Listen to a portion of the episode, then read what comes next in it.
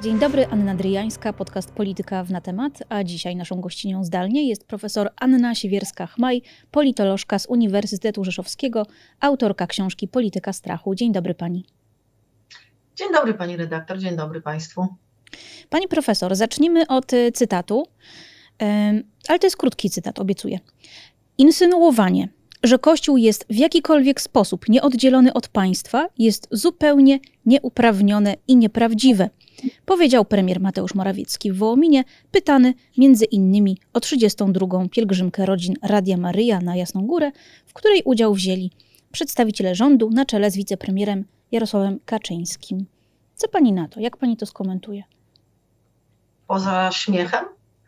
Y, to mogę powiedzieć tylko, że pan premier nie jedną rzecz już mówił, ale to nie oznacza koniecznie, że to jest prawda, albo że w ogóle sam w to wierzy. No, sytuacja y, z soboty, pielgrzymka rodziny Radia Maryja na Jasnej Górze w obecności ogromnej ilości polityków Prawa i y, Sprawiedliwości i przede wszystkim, no, powiedziałabym, wręcz żenująca w tak no jednak świętym dla wielu Polaków miejscu przemowa Jarosława Kaczyńskiego, no chyba raczej świadczy o tym, że przestrzeń sakrum została sprofanowana przez y, politykę. Jestem bardzo rozczarowana y, praktycznie żadną reakcją hierarchów kościelnych na zachowanie Prawa i Sprawiedliwości na Jasnej Górze. No tak, tylko że Jarosław Kaczyński przemawiał w Częstochowie, przemawiał na Jasnej Górze. To nie jest tak, że był w tłumie pielgrzymów i, i po prostu przyszedł sobie incognito. Nie wiem, czy to jest dobre słowo w tym kontekście. No w każdym razie to nie był szeregowy uczestnik pielgrzymki, tylko on tam przemawiał. To nie jest tak, że on y, zrobił wjazd i porwał kościołowi Jasną Górę. To był wiec wyborczy urządzony za zgodą, y, za zgodą no tak. kościoła. Oczywiście, y, natomiast y, y, hierarchowie kościelni powinni jednak przewidzieć to, że zwłaszcza w roku wyborczym Jarosław Kaczyński wykorzysta możliwość przemawiania na Jasnej Górze do tego, żeby no raczej nie głosić Słowo Boże, bo trudno powiedzieć, żeby głosił Słowo Boże, tylko no, prowadzić kampanię wyborczą i to w sposób, powiedziałabym, taki dość jednoznaczny, bo przecież padły tam również słowa, że y, nie możemy oddać władzy, co jak y, pani chyba przyzna, brzmi dość. Y, złowrogo. Złowrogo, no, bardzo dobre słowo, tak, bardzo złowrogo to brzmi, a zwłaszcza w takim, zwłaszcza w takim miejscu, które jest jakoś tam dla wielu Polaków, jeśli nawet nie święte, to przynajmniej symboliczne. Mhm. No właśnie, chciałam Panią zapytać o te słowa. Nie można oddać władzy. To oczywiście Jarosław Kaczyński mówił w kontekście nadchodzących wyborów, które mogłaby wygrać demokratyczna opozycja. Czy to jest po prostu takie gadanie, nawijanie makaronu na uszy, czy nad tymi słowami trzeba się pochylić? Czy obawia się Pani, że, że one mogą być jakąś przepowiednią? Od dłuższego czasu się obawiam, że y, te, te, słowa rzeczywiście należy traktować poważnie, bo to nie pierwszy raz y, Jarosław Kaczyński wysyła taki sygnał, że absolutnie nie jest gotów do oddania władzy, y, także w demokratycznych wyborach, więc można się spodziewać różnych rzeczy. No, na najgorszą z możliwych byłaby oczywiście no byłoby oczywiście przesunięcie terminu wyborów wykorzystanie no, chociażby sytuacji w Ukrainie, czy tego, co szykuje nam Białoruś w najbliższych tygodniach, miesiącach, do tego, żeby właśnie przesunąć e, termin wyborów i to będzie pewnie uzależnione od wewnętrznych sondaży Prawa i Sprawiedliwości. Także oczywiście, że się obawiam, bo myśmy chyba na początku rządów, y, czy nawet jeszcze zanim Jarosław Kaczyński doszedł do, do, do pełni władzy, y, zbyt długo jako komentatorzy, dziennikarze, politolodzy, ale też jako społeczeństwo traktowali y, pewne sformułowania używane przez Jarosława Kaczyńskiego jako przenośnie.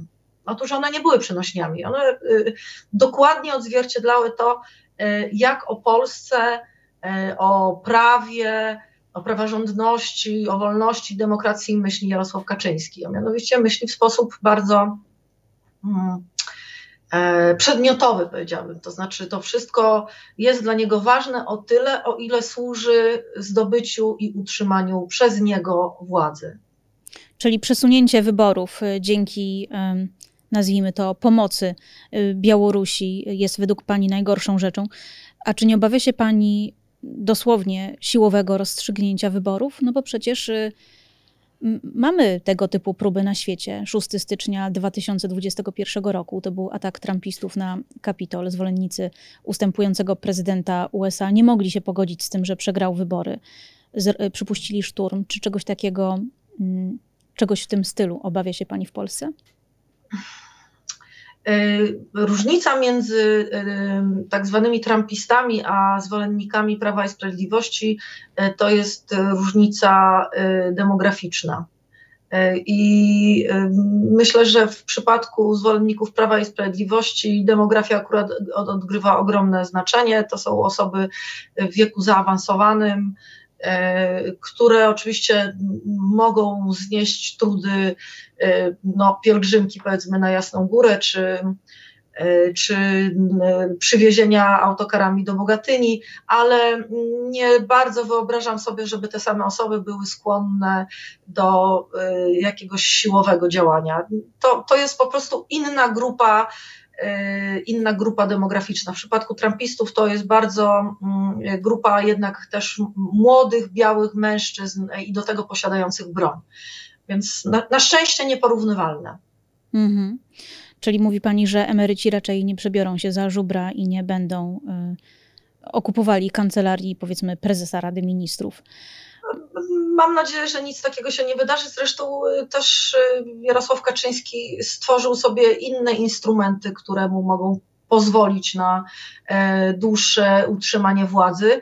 E, więc nie, nie, nie, nie widzę powodu, żeby y, akurat wykorzystywać do tego swoich wyborców ma instrumenty prawne, ma taką, a nie inną sytuację za wschodnią granicą, więc no, rzeczywiście może skorzystać z tych instrumentów po to, żeby mm, przesunąć termin wyboru o jakiś no, wystarczający czas do, do, do zmiany na przykład nastrojów społecznych. Mhm. Czy Pani zdaniem opozycja może coś z tym zrobić, czy jest bezradna? Bo przecież to są narzędzia w ręku Jarosława Kaczyńskiego. Tak, y, ale mm, y, bardzo istotną kwestią w każdej manipulacji, y, a mamy do czynienia z no, próbami manipulacji wyborczych, zresztą od dłuższego czasu, różnymi, różnymi metodami, różnymi kruczkami prawnymi. Więc to istotą manipulacji jest to, że ona jest nieuświadomiona i, i opozycja powinna koncentrować teraz y, y, swoje siły także takie komunikacyjne, narracyjne na tym, żeby uświadamiać Polakom, co się dzieje konkretnie, tak? Czyli żeby przygotować ich do tego, że w najbliższych miesiącach na przykład może się pojawić grupa migrantów na granicy polsko-białoruskiej, bo wiemy, że na Białorusi jest przetrzymywana taka grupa migrantów i prawdopodobnie e, Łukaszenko planuje wypuszczać kolejne fale duże fale, czy wręcz dowozić na granicę w, bliżej wyborów, po to, żeby wpłynąć na wynik tych wyborów, bo wiadomo, że obrazy takie z granicy, gdzie ktoś tam próbuje forsować y, ogrodzenie graniczne, będą działały na wyobraźnię i będą powodowały ten efekt flagi, więc może tutaj o kilka punktów procentowych y, wachnąć się, bo to ja nie sądzę, żeby to była e, trwała tendencja, ale powiedzmy, że rzeczywiście może nastąpić jakiś przepływ z grupy wyborców Konfederacji do grupy wyborców PiSu. Więc e, takie, takie instrumenty mogą być stosowane i ważne jest, żeby opozycja o tym wyraźnie mówiła, że jakie mogą być zastosowane przepisy, jakie mogą być wykorzystane sytuacje, jakich obrazów się możemy spodziewać, jakich słów się możemy spodziewać, jaka będzie dominująca narracja e, PiSu. A ma Pani jakieś przewidywania właśnie w sprawie tej narracji wyborczej? To jest niesamowite zresztą, że kampania wyborcza jeszcze się e, nie rozpoczęła formalnie. E, no bo tak, imigranci tak trochę nie za bardzo zażarli. 800 plus, no okej. Okay. Mm, nie ma jakby takiej jednej głównej kwestii upisu, która by zogniskowała uwagę wyborców i ich gotowość do tego, żeby, żeby pójść głosować właśnie na PiS. Czy myśli pani, że, że mają coś nowego przygotowanego? Ja na razie nie widzę tych nowych pomysłów. Właściwie to są odgrzewane y, pomysły z 2015 roku. Y, I to wszystkie po kolei, bo mamy nie tylko imigrantów, ale mamy też y, seksualizację dzieci, mamy też znowu odgrzewane problemy, czy, czy nie problemy, tylko kwestie osób LGBT, czyli powracamy do pewnej agentury rosyjską, powracamy do pewnych tematów, które były grzane w 2015 roku. One się wtedy sprawdziły i zdaje wydaje się, że Prawo i Sprawiedliwość liczy na to, że tym strachem nadal będzie e, skutecznie zarządzać. Natomiast czy ma coś nowego? Ja, trudno mi sobie już wyobrazić jakiś nowy rodzaj strachu, chociażby z tego względu, że e, no, od momentu wybuchu wojny w Ukrainie to Polacy już się zdążyli e, naprawdę mocno przestraszyć, a co więcej, nawet się do tego strachu przyzwyczaić. Tak? To znaczy, o ile na początku, w pierwszych miesiącach od wybuchu wojny, tej regularnej już pełnowymiarowej wojny, y, myśmy rzeczywiście żyli tym strachem przed Rosją, przed ewentualnym e, konfliktem e, zbrojnym. O, o, tyle dzisiaj badania dotyczące lęków Polaków pokazują, że my się przede wszystkim boimy o swój y, byt materialny, czyli czy nam starczy, starczy do pierwszego, czy będziemy mieli na spłatę kredytu, czyli y, kwestie bytowe y, znowu są na pierwszym miejscu, a, a nie wojna. Jeszcze jeden tylko motyw został do wykorzystania i, ten, i tego motywu się faktycznie mogę obawiać, mm, a mianowicie grania jakimś zagrożeniem atomowym. Czyli opcja atomowa, dosłownie rozumiana tak, została w arsenale. Opcja atomowa do, dosłownie rozumiana. Tymczasem mamy bardzo ostrą kampanię wewnątrz PiSu. Posłanka Iwona Arendt y, z Olsztyna wycofuje się z polityki po tym, jak wyciekł filmik pokazujący, jak jej syn znęca się fizycznie, no po prostu bije kobietę, bije swoją byłą dziewczynę. No i Myśli pani, że tego typu sytuacji będzie w kampanii więcej? Nie mówię konkretnie o pobiciu, ale o tego typu wycinaniu się z, z list wyborczych, no bo mówi się tak dosyć e, otwarcie, że no, pani poseł miała bardzo duże szanse na to, żeby być jedynką, żeby otwierać listę olsztyńską, no a teraz miejsce się zwolniło. Myślę, że to będziemy obserwować we wszystkich partiach. No to widzimy, co się działo w, w Konfederacji, tak? Rezygnacja Roberta Winnickiego, no to przecież też była wycinka wewnętrzna. To, to oczywiście Y, oficjalną, y, y, oficjalne tłumaczenie mówiło o, o, problemach ze zdrowiem, no ale, ale nieoficjalnie to nawet członkowie Konfederacji mówili tak off the record, że, że to są wewnętrzne rozgrywki. Więc ja myślę, że wszędzie będziemy obserwować takie, takie sytuacje, a też wiadomo w polityce, że najboleśniej uderzają swoi, no bo oni najwięcej wiedzą, więc pewnie możemy się spodziewać bardzo brutalnej Y, kampanii wyborczej. Zresztą ona już jest brutalna i ona jest permanentna. Jak kampania trwa od y, de facto y, kilku lat, no to już tuż przed wyborami, przed tym ostatecznym rozstrzygnięciem, no to myślę, że możemy się spodziewać wszystkiego. Mhm.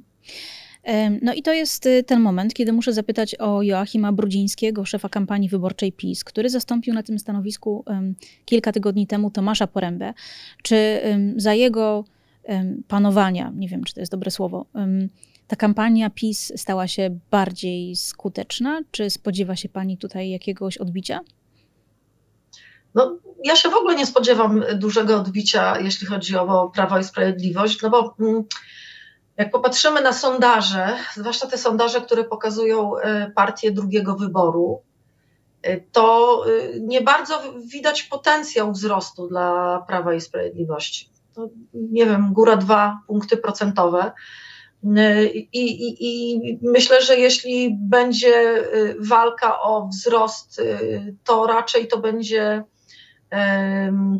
przebijanie się radykalizmem z Konfederacją, bo w Konfederacji rzeczywiście jest do wzięcia sporo punktów. Natomiast spośród tych niezdecydowanych, tam PiS jest, zdaje się, jedną z ostatnich partii wskazywanych jako partia drugiego wyboru, czyli potencjału wzrostu tam dużego nie ma. Teraz wydaje mi się, że to jest raczej walka o zmobilizowanie swojego elektoratu i zdemobilizowanie elektoratu strony przeciwnej. Więc y, y, raczej tu będzie, y, w tym kierunku szła kampania wyborcza.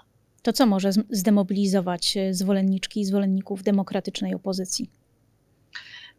No, może na, na pewno zdemobilizować wskazywanie na to, że opozycja nie ma szans, czyli pokazywanie, że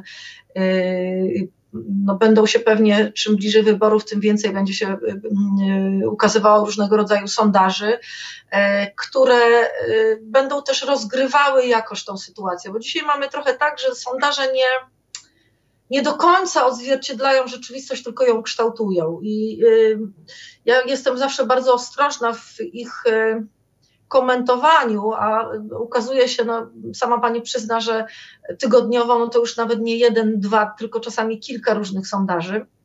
I mam wrażenie, że w zależności od tego, kto je zleca, na jakiej grupie jest prowadzone to badanie, zresztą najczęściej na jakichś śmiesznych grupach około 1000-1100 osób, gdzie naprawdę jest duże mm, y, y, ryzyko błędu, y, czy, czy na plus, czy na minus, no to tymi sondażami rzeczywiście można trochę grać, to znaczy kształtować rzeczywistość, pokazywać coś, co nie do końca jest prawdą, czyli wskazywać na to na przykład, żeby osoby niezdecydowane pozostały w domu, albo żeby osoby, które są mało zmotywowane, e, nie poszły do wyborów. A no, warto zaznaczyć, że jednak wyborcy partii e, konserwatywnych i prawicowych generalnie, co do zasady, w każdym kraju, nie tylko w Polsce, są bardziej zmotywowani i bardziej zdyscyplinowani. I to jest y, to, co zawsze gra na korzyść partii konserwatywnych i prawicowych.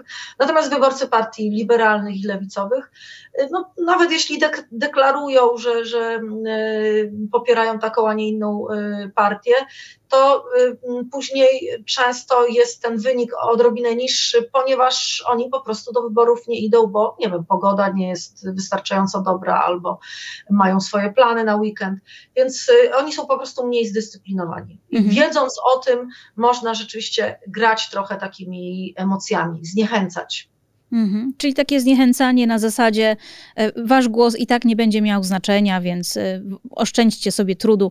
Tutaj tylko muszę jednak zaznaczyć, że 1100 osób to, jest, to może być jak najbardziej reprezentatywna próba, o ile będzie dobrze dobrana. Dobrze dobrana, no ależ no, no właśnie o tym mówimy, że, że yy, nie, nie chodzi tylko o ilość, ale także chodzi o, o, o to, jak to się dobierze, a my często y, patrząc na różnego rodzaju sondaże, nie wczytujemy się i zresztą trudno, żeby się ludzie, którzy się tym naukowo y, nie zajmują, czy, czy poza dziennikarzami również, y, ktoś się wczytywał w to, y, jak były prowadzone te badania, na jakiej grupie i, i tak dalej. No więc y, bardziej, bardziej mówię o tym, oczywiście, że y, można i reprezentatywne badania przeprowadzić na grupie 1000 1100 czy 1200 osób, tylko y, warto wtedy y, zadać pytanie, jaka to jest grupa. Mhm. A można też przeprowadzić na grupie 10 tysięcy osób i brzydko mówiąc przewalić, bo się nie uwzględni proporcji demograficznych y, populacji. No, oczywiście, że tak.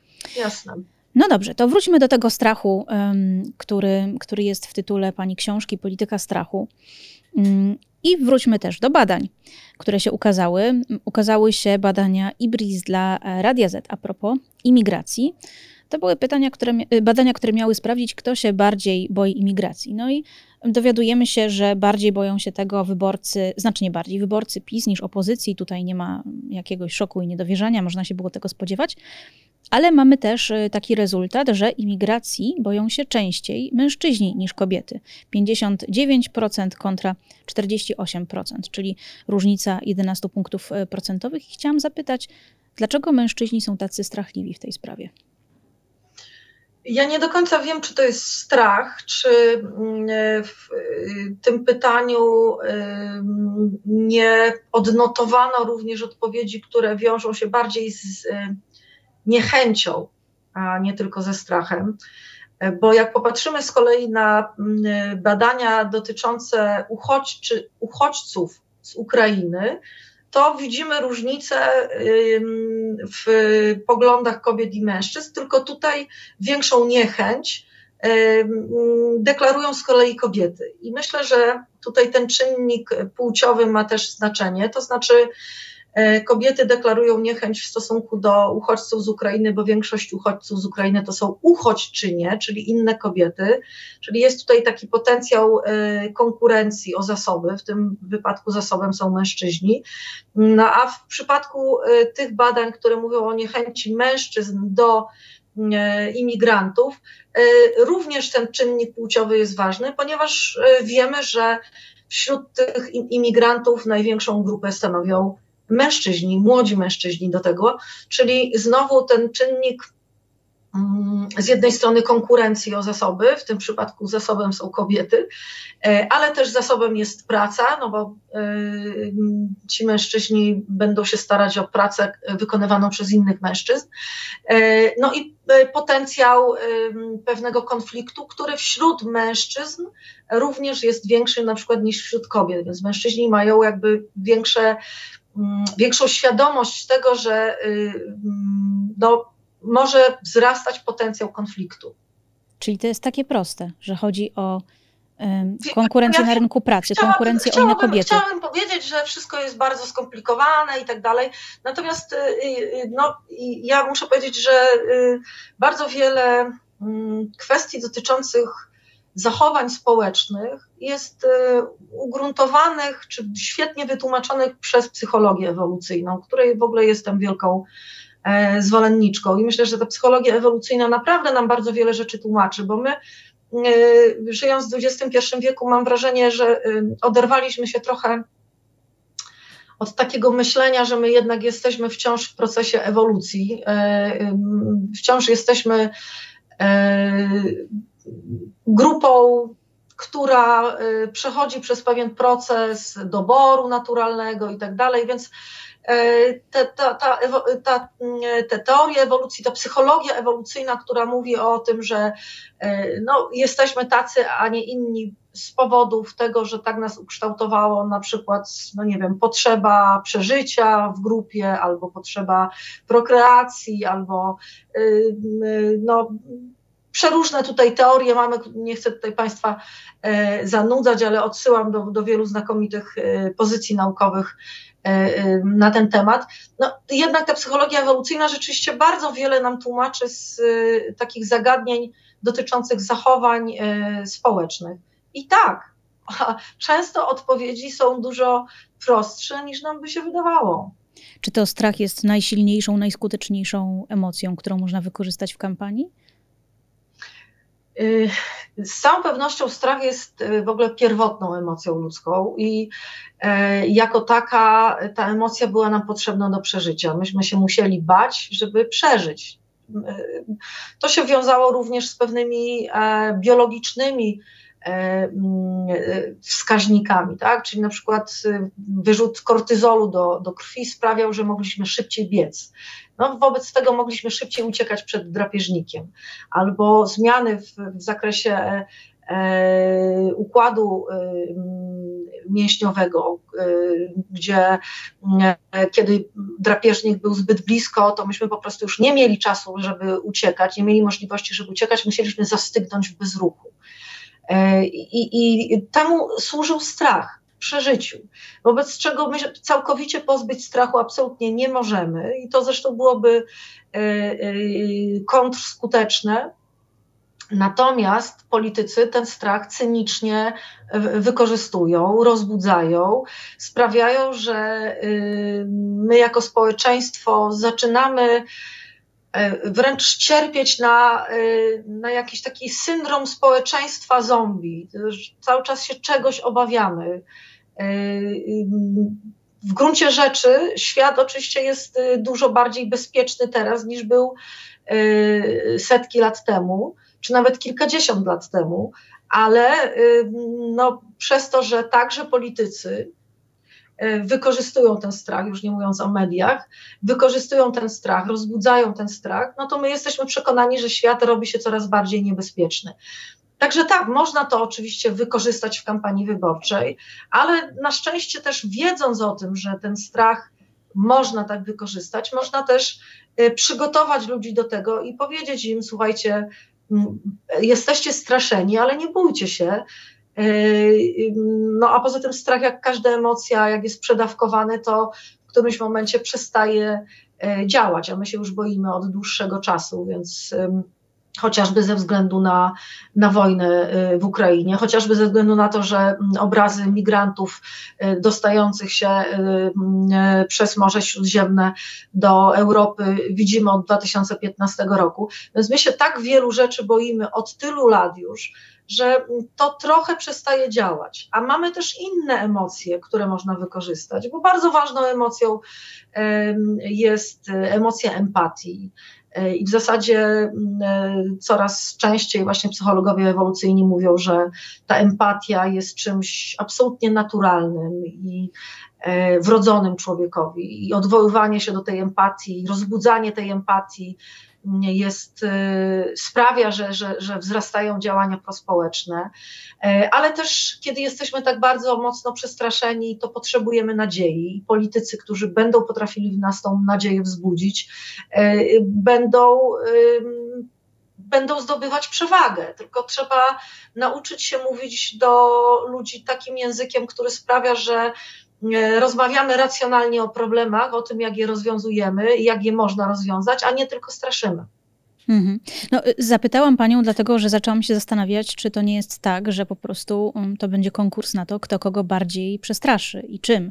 Czy już y, przyszłe kampanie nie będą polegać na tym, że, że to będzie jeden wielki festiwal strachu, gdzie mm, no, partie, niezależnie od, y, od barw ideowych, będą musiały po prostu się podporządkować takiemu trybowi prowadzenia kampanii po to, żeby móc myśleć w ogóle o, o wygranej, ale pani mówi, że nadzieja i empatia to jest też coś, co tak, rokuje. To jest coś bardzo, bardzo istotnego i, i empatia, właściwie dzisiaj wiemy to też z bardzo wielu badań, jest czymś wrodzonym człowiekowi. Nawet maleńkie dzieci e, reagują empatycznie, na przykład słysząc e, płacz innych dzieci. Więc my wiemy, że ta empatia jest czymś rzeczywiście bardzo istotnym i ją można rozbudzać. My mamy mechanizmy, znamy mechanizmy, jak to robić. Ja bardzo żałuję, że politycy są często mało kompetentni i nie zadają sobie trudu sięgnięcia do książek innych niż z marketingu politycznego.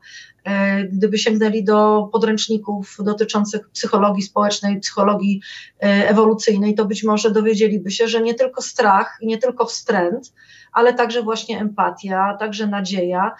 E, I ja myślę, że myśmy osiągnęli pewien poziom strachu, który chyba gdzieś zbliża się już do granicy i przekroczenie tej granicy będzie działało będzie działało kontrzskutecznie dla wszystkich polityków. To znaczy, zauważamy na przykład, że osoby, które są bardzo mocno przestraszone, generalnie e, stają się apatyczne, czyli to są osoby, które być może w ogóle nie pójdą zagłosować, czyli ich się nie da do niczego przekonać, bo one już są tak przestraszone, że uważają, że nic nie pomoże, tak? E, I to niezależnie od tego, czym straszymy, bo to nie tylko prawica straszy, aczkolwiek prawica ma jakby tak naturalne predyspozycje do tego, y, nie wchodząc już w szczegóły. Y, natomiast przecież lewica y, straszy globalnym ociepleniem, katastrofą klimatyczną. To też działa trochę kontrzskutecznie i też mamy mnóstwo badań na ten temat, które pokazują, że te najbardziej przestraszone osoby, czyli te, które są absolutnie najbardziej świadome zbliżającej się katastrofy klimatycznej, to wcale nie są te osoby, które najbardziej i najmocniej działają na rzecz powstrzymania katastrofy klimatycznej. Przeciwnie, to są osoby tak przerażone, że w zasadzie e, one zaczynają cierpieć na różnego rodzaju zaburzenia psychiczne, e, które raczej sprawiają, że zostają w domu, a nie, że idą wspólnie działać. Tak? Czyli i to samo się dzieje właśnie w, w, przy, w polityce strachu. No, y, powiększa się grupa osób, które zniechęcają się w ogóle do polityki. Mhm. No i przypomina mi się hasło zwycięskiej kampanii prezydenckiej Baracka Obamy w USA w 2008 roku Hope We Can Believe in, nadzieja, w którą możemy uwierzyć. Nadzieja była tak. właśnie w haśle mhm. tej kampanii. No właśnie, skoro jesteśmy. Zresztą samo słowo nadzieja ma bardzo y, dużą moc, bo y, y, chociażby w języku polskim no, słowo nadzieja odsyła nas do takiego pierwotnego znaczenia oczekiwanie na to, że coś się zadzieje. Więc samo, w języku polskim samo słowo nadzieja przynosi nadzieję. I, i, i nawet używanie tego słowa jest, daje pewną moc. My, prawica sobie zdaje sprawę z mocy słów. I, i, I, to można zauważyć od dawna. Używa wielkich słów i przejęła w pewnym sensie wielkie słowa. Przejęła słowa patriotyzm, naród, no, Bóg, honor, ojczyzna, to już o tym nawet nie mówię, bo to właściwie te słowa zostały w pewnym sensie jakby no, odebrano im wręcz tą moc, to znaczy tak często używano ich w złym kontekście, że one, że one stały się dla niektórych osób, dla młodych osób na przykład parodią wręcz. E, natomiast rzeczywiście prawica potrafi e, korzystać z mocy słów i rozumie moc słów. Mam natomiast wrażenie, że e, no, liberałowie czy, czy lewica boją się tych słów, tak? Uważają, że no lepiej wielkich słów nie używać, tak, ta polityka ciepłej wody w kranie, e, liczby mówią same za siebie. No w ten sposób właśnie y, y, Platforma Obywatelska y, przegrała, tak, bo, bo wierzyła w to, że, że jak pokażą wykresy, że Polska jest zieloną wyspą, wyspą i w miarę suchą stopą przeszła przez kryzys e, gospodarczy, to Polacy są mądrzy i zrozumieją to, że E, że, że to się stało dzięki rozsądnej polityce e, gospodarczej e, Platformy Obywatelskiej. Tylko, że to tak nie działa. To znaczy, prawica rozumie to, że polityka to są emocje, natomiast liberałowie wciąż jeszcze w dużej mierze wierzą w to, a przynajmniej chcą wierzyć w to, że polityka jest racjonalna. A nie jest. I skoro jesteśmy przy nadziei, to chciałam zapytać o tę nadzieję PiSu na to, że e, ta komisja e, Lex Tusk, e, czyli formalnie rzecz biorąc do spraw badania rosyjskich wpływów, jakoś im pomoże w tej kampanii. Myśli pani, że nadal jest na to szansa, biorąc pod uwagę to całe zamieszanie? to, że ta ustawa nie jest wypełniana, to, że przez Sejm idzie nowelizacja prezydenta, czy jeszcze ta komisja Lex Tusk ma szansę na to, żeby coś dać PiSowi w tej kampanii? Y, nie sądzę. W gruncie rzeczy jestem wręcz przekonana, że wszystkie osoby, które, y, y, którymi kieruje antypatia czy wręcz nienawiść do Donalda Tuska, mówię o nienawiści, dlatego że to, co obserwujemy chociażby w telewizji publicznej, to jest po prostu podżeganie do nienawiści, więc trzeba używać prostych słów na określenie tego, co, co robią media e, prorządowe.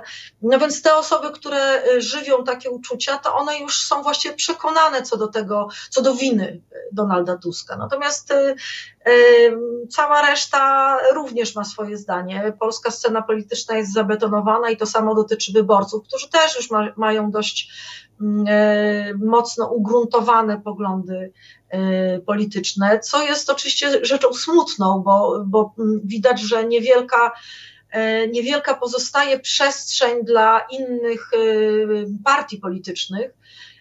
Natomiast, no właśnie, czy granie Donaldem Tuskiem, czyli to już de facto straszenie Donaldem Tuskiem też jest od lat już prowadzone, więc kto się miał Donalda Tuska przestraszyć, to już się przestraszył. No, jakaś, jakiś nowy lęk musiałby być tutaj e, rzeczywiście e, zastosowany. Ja już nawet nie chcę, ja mam nawet pomysły na to, czym można by było straszyć, e, bo wiem, czym straszono w Stanach Zjednoczonych, ale już nawet nie chcę podpowiadać Prawo i Sprawiedliwości takich pomysłów, żeby później nie było na mnie. A może Absolutnie. po prostu pani profesor nie docenia takiego dzieła filmowego, jakim jest serial Reset, E, to jest e, serial autorstwa byłego rzecznika wpis w Sopocie Michała Rachonia, obecnie pracownika TVP. E, może ten serial właśnie emitowany tydzień po tygodniu jest w stanie coś zmienić? No a czy pani słyszała o kimś, kto mając poglądy prodemokratyczne po obejrzeniu choć jednego odcinka zmienił swoje poglądy?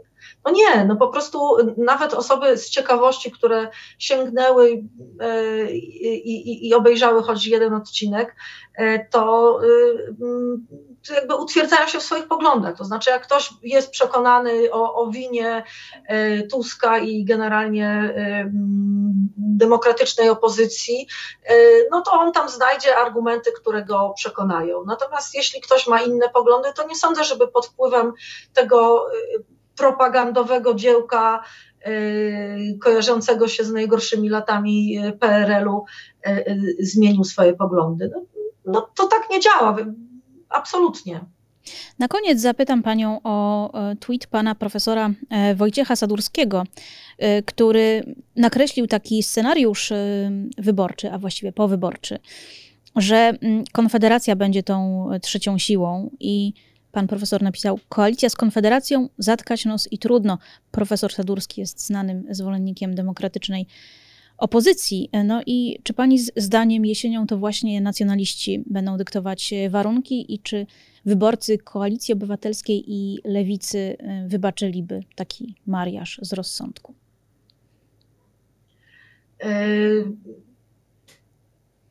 To jest y, ogromnie smutne, że rozgrywającym y, może zostać Konfederacja. Natomiast y, ja jednak wciąż liczę na to, że mm, Konfederacja, która teraz rośnie, y, w jesieni, kiedy mm, jednak y, będą e, debaty telewizyjne, kiedy będzie e, już taka bardziej konkretna rozmowa o programach, kiedy trzeba będzie odpowiadać na żywo na trudne pytania dziennikarzy, to Konfederacja jednak e, straci e, trochę punktów, bo w gruncie rzeczy tam nie ma zbyt wielu e, osób, które potrafią rozsądnie odpowiedzieć na jakiekolwiek pytanie. Więc mam nadzieję, że jednak nie, nie dojdzie do tego, żeby to nacjonaliści rozdawali karty. Natomiast cieszę się, że mm, pani powtórzyła te słowa profesora Sadurskiego, dlatego że my też musimy wprost mówić o tym, kim czy czym Konfederacja jest, bo zbyt często o Konfederacji mówi się, że to są wolnościowcy.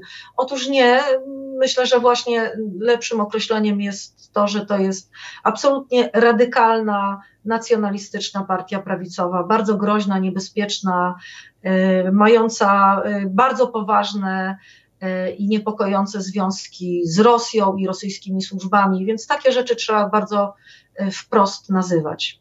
Kto wygra wybory? Y, chcę wierzyć, że y, demokratyczna y, opozycja, że czas Prawa i Sprawiedliwości dobiegł końca. Chcę też wierzyć w to, że, że te megatrendy, bo ja jak już chyba dało się to wyczuć, nie jestem zwolenniczką jakichś cotygodniowych różnych sondaży, które oczywiście dają nam e, e, punkt zaczepienia do rozmowy, ale wydaje mi się, że te sondaże są ciekawsze, jeśli się popatrzy na nie tak hurtowo, więc jak się popatrzy na nie hurtowo, to taki mega trend, który się z nich wyłania, jest jednak taki, że e, ludzie są prawem i sprawiedliwością zmęczeni i że na takiej fali wznoszącej jest opozycja i co mnie też cieszy osobiście, że na takiej fali wznoszącej jest lewica, bo wydaje mi się, że e, no, byłoby dobrze, żeby to lewica była tą partią, która będzie, e, będzie tą trzecią siłą. Dziękuję pani profesor. To była profesor Anna Siewierska-Chmaj, politolożka z Uniwersytetu Rzeszowskiego, autorka książki Polityka Strachu. Dziękuję. Dziękuję bardzo. A z Państwem żegna się Anna Dryjańska, to był podcast Polityka na temat, a za tydzień widzimy i słyszymy się z Marcinem Kąskim, który napisał książkę właśnie o Konfederacji.